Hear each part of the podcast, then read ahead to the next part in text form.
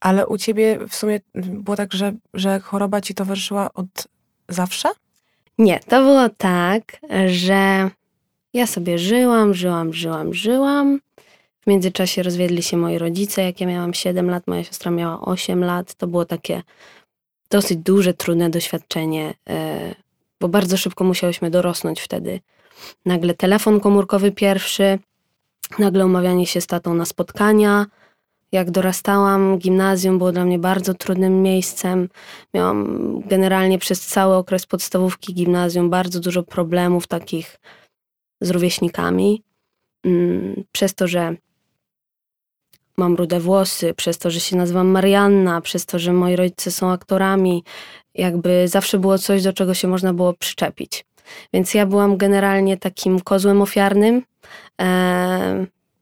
Ciężko mi się było dogadać z rówieśnikami. Miałam wrażenie, że jakby zawsze tworzą się grupki przeciwko mnie i wszystko było powodem do wyśmiania.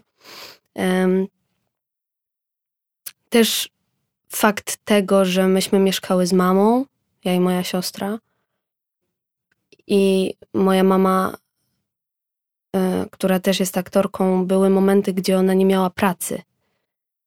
Więc jakby utrzymywanie dwójki dzieci, oczywiście przy pomocy taty, tak, alimenty i tak dalej, ale zdarzały się takie momenty, gdzie na przykład, nigdzie o tym wcześniej nie mhm. mówiłam, gdzie na przykład klasa jechała na zieloną szkołę, a ja i moja siostra nie miałyśmy pieniędzy, żeby pojechać na tą zieloną szkołę.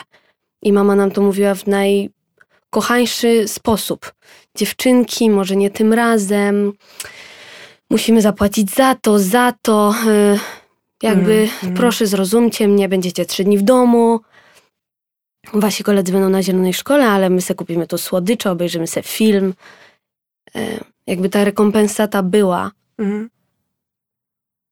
Ale zawsze to był ten kolejny pretekst, że to są te bez kasy, mm -hmm, że to są mm -hmm, te, mm -hmm. które mieszkają tylko z mamą.